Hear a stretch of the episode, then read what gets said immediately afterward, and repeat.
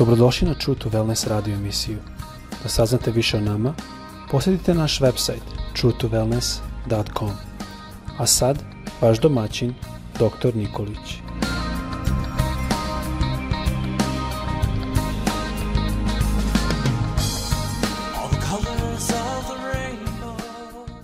Draga braćo, drage sestre i dragi prijatelji, srdačan pozdrav svima vama koji slušate, da vas Bog blagoslovi, da budete zdravi, da vas Bog čuva i da Bog blagoslovi i da uspeh delu vaših ruku. Tema koju želim da podelim sa vama nosi naslov Sloboda od vlasti greha. I za ovu temu ja ću pročitati dva citata iz poslanice apostola Pavla Rimljanima, peta glava, 12. i 15. stih. I ovako kaže reč Božja po apostolu Pavlu. Prema tome, kao što je posredstvom jednog čoveka greh ušao u svet, a sa grehom i smrt, tako je smrt prešla na sve ljude, jer su svi sagrešili. I 15. stih kaže, ali milost nije poput greha. Na ime, koliko su grehom jednog čovjeka mnogi umrli, toliko se obilnije izlila na mnoge božanska milost i dar dan milošću jednog čovjeka Isusa Hrista, Sina Božijeg. Kako možemo, postavlja se pitanje da budemo proglašeni krivima zbog onoga što je Adam uradio pre mnogo hiljada godina. Kako? E, mnogi smatraju da nije pravedno, da nije pravedno sa Božje strane da nas osudi zbog tog Adamovog greka.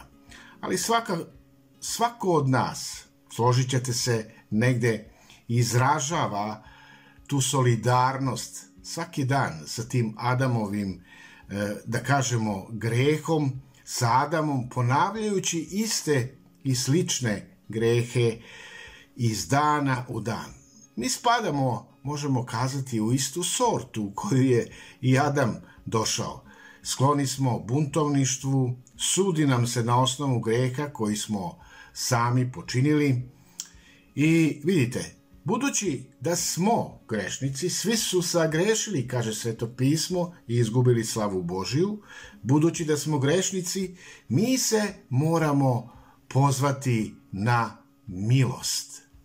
I to je ono što Sveto pismo govori. To je ono što Bog nudi kroz Isusa Hrista, na milost. I vidite, kada govorimo o grehu, onda e, pitanje se postavlja kako stvarno da budem pomilovan, kako da mi bude oprošteno i kako iz dana u dan mogu hodati uspravno znajući da mi je oprošten greh, da je Bog taj koji mi je oprostio. Grčka imenica, ja sam o tome govorio za greh, je hamartija. Hamartija. Hamartija u stvari opisuje princip i silu greha koji je Adamovom pobunom ušao u ljudski rod. Prema tome, kao što je posredstvom, kaže Sveto pismo, jednog čoveka, e, greh ušao u svet, a sa grehom je došla smrt, tako je i smrt, kaže Sveto pismo, prešla na sve ljude. Na sve ljude, jer su svi sagrešili. Dalje, e, kada govorimo o Hamarti, to, ta reč opisuje vladajuću silu koja pokreće greh. Znači, vladajuću silu koju pokreće greh, silu iz koje izvire sva, da kažemo, njegova lepeza. Isusova misija, Isus, sin Boži, njegova misija je bila da nas sve od svega toga oslobodi. I vidite, Isus je poslat na ovu zemlju rodio se. To je taj Božić, sin Božji je poslat na zemlju koji je nosio, on je Isus je nosio obliče našeg, našeg tela. Kaže, devica Marija će roditi sina, a ti ćeš mu dati ime Isus, jer će on spasiti svoj narod od, kaže, njihovih greha. taj zapis nalazimo u Matejem evanđelju u prvoj glavi u 21. stihu. I vidite, e, sledećeg jutra je Jovan video Isusa kako dolazi k njemu pa je rekao evo jagnjeta Božjeg koje uklanja ili sklanja ili briše greh sveta.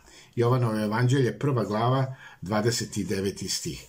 Glagol uklanjati doslovno znači sakupiti nešto, uprtiti i da kažemo e, odneti, što je sasvim blisko već spomenutom značenju novozavetnog glagola oprostiti. Zato je evanđelje, radosna vest, jasna i glasna, dobra vest o našem oslobođenju, o tvom i mom oslobođenju, od sile greha po Isusovoj krvi. I zato ja želim da te danas ohrabrim, bez obzira koliko puta u toku dana nesvesno grešiš. Znate, kada nesvesno grešimo, to je nešto što spada u domen gde mi ne možemo da kontrolišemo taj greh. Ali jako je važno da ne budeš samo pravedan i da ne kažeš ne, ja znam samo za ovo, ovo, ovo i ovo i evo, gospode, oprosti mi to, to i to.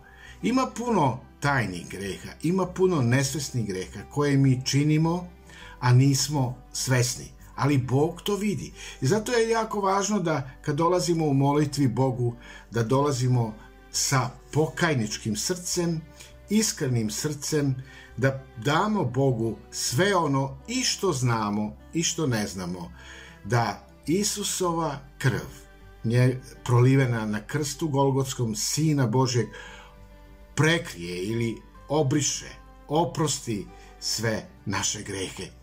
Da, sila krvi Hristove ima i danas moć. Kada govorimo o oproštenju greha, izraz oproštenja greha je srž te, kao što sam rekao, dobre vesti i proglas blagoslova tog novog saveza koji Isus uspostavlja, Sin Boži, između Boga i nas, ljudi, tebe i mene. I sam, da kažemo, vaskrsli i vazneti Isus zapoveda da to bude sadržaj njegove poruke. I Isus je rekao, zapisano je i to da će Hristos stradati i ustati iz mrtvih trećeg dana. U njegovo ime će se propovedati pokajanje i oproštenje greha svim narodima počevši od Jerusalima. Ovo je poklič, poklič radosti koji je odjekivao ranom crkvom. On nas je izbavio iz vlasti tame i premestio nas u carstvo svog ljubljenoga sina, u kome imamo otkupljenje i oproštenje greha. I završit ću sa onim stihom apostola Pavla u šestoj glavi Rimljanima 11. 11. i 12. stih, gde Pavle apostol kaže ovako i poručuje nam. Tako i vi sebe smatrajte mrtvima grehu. To je hamartija grehu. A živima Bogu u Isusu Hristu. Prema tome, greh hamartija ne sme više e, prebivati ili carevati u vašim smrtnim telima. Ne pokoravajte se njegovim željama. Neka te gospod danas blagoslovi, budi pažljiv, budi pažljiv u onome što činiš, u onome što radiš, onome što govoriš, budi pažljiv onome što misliš. Ne dozvoli da uh, kušnja pređe u delo. Tu moraš reagovati i tu moramo biti oprezni da reagujemo. Neka Bog bude s tobom i neka te blagoslovi. Amin.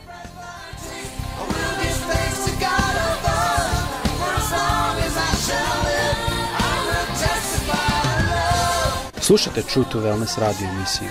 Pridružite nam se ponovo svaki utorak, četvrtak i subotu. Za kontakt molimo posjetiti naš website truetowellness.com.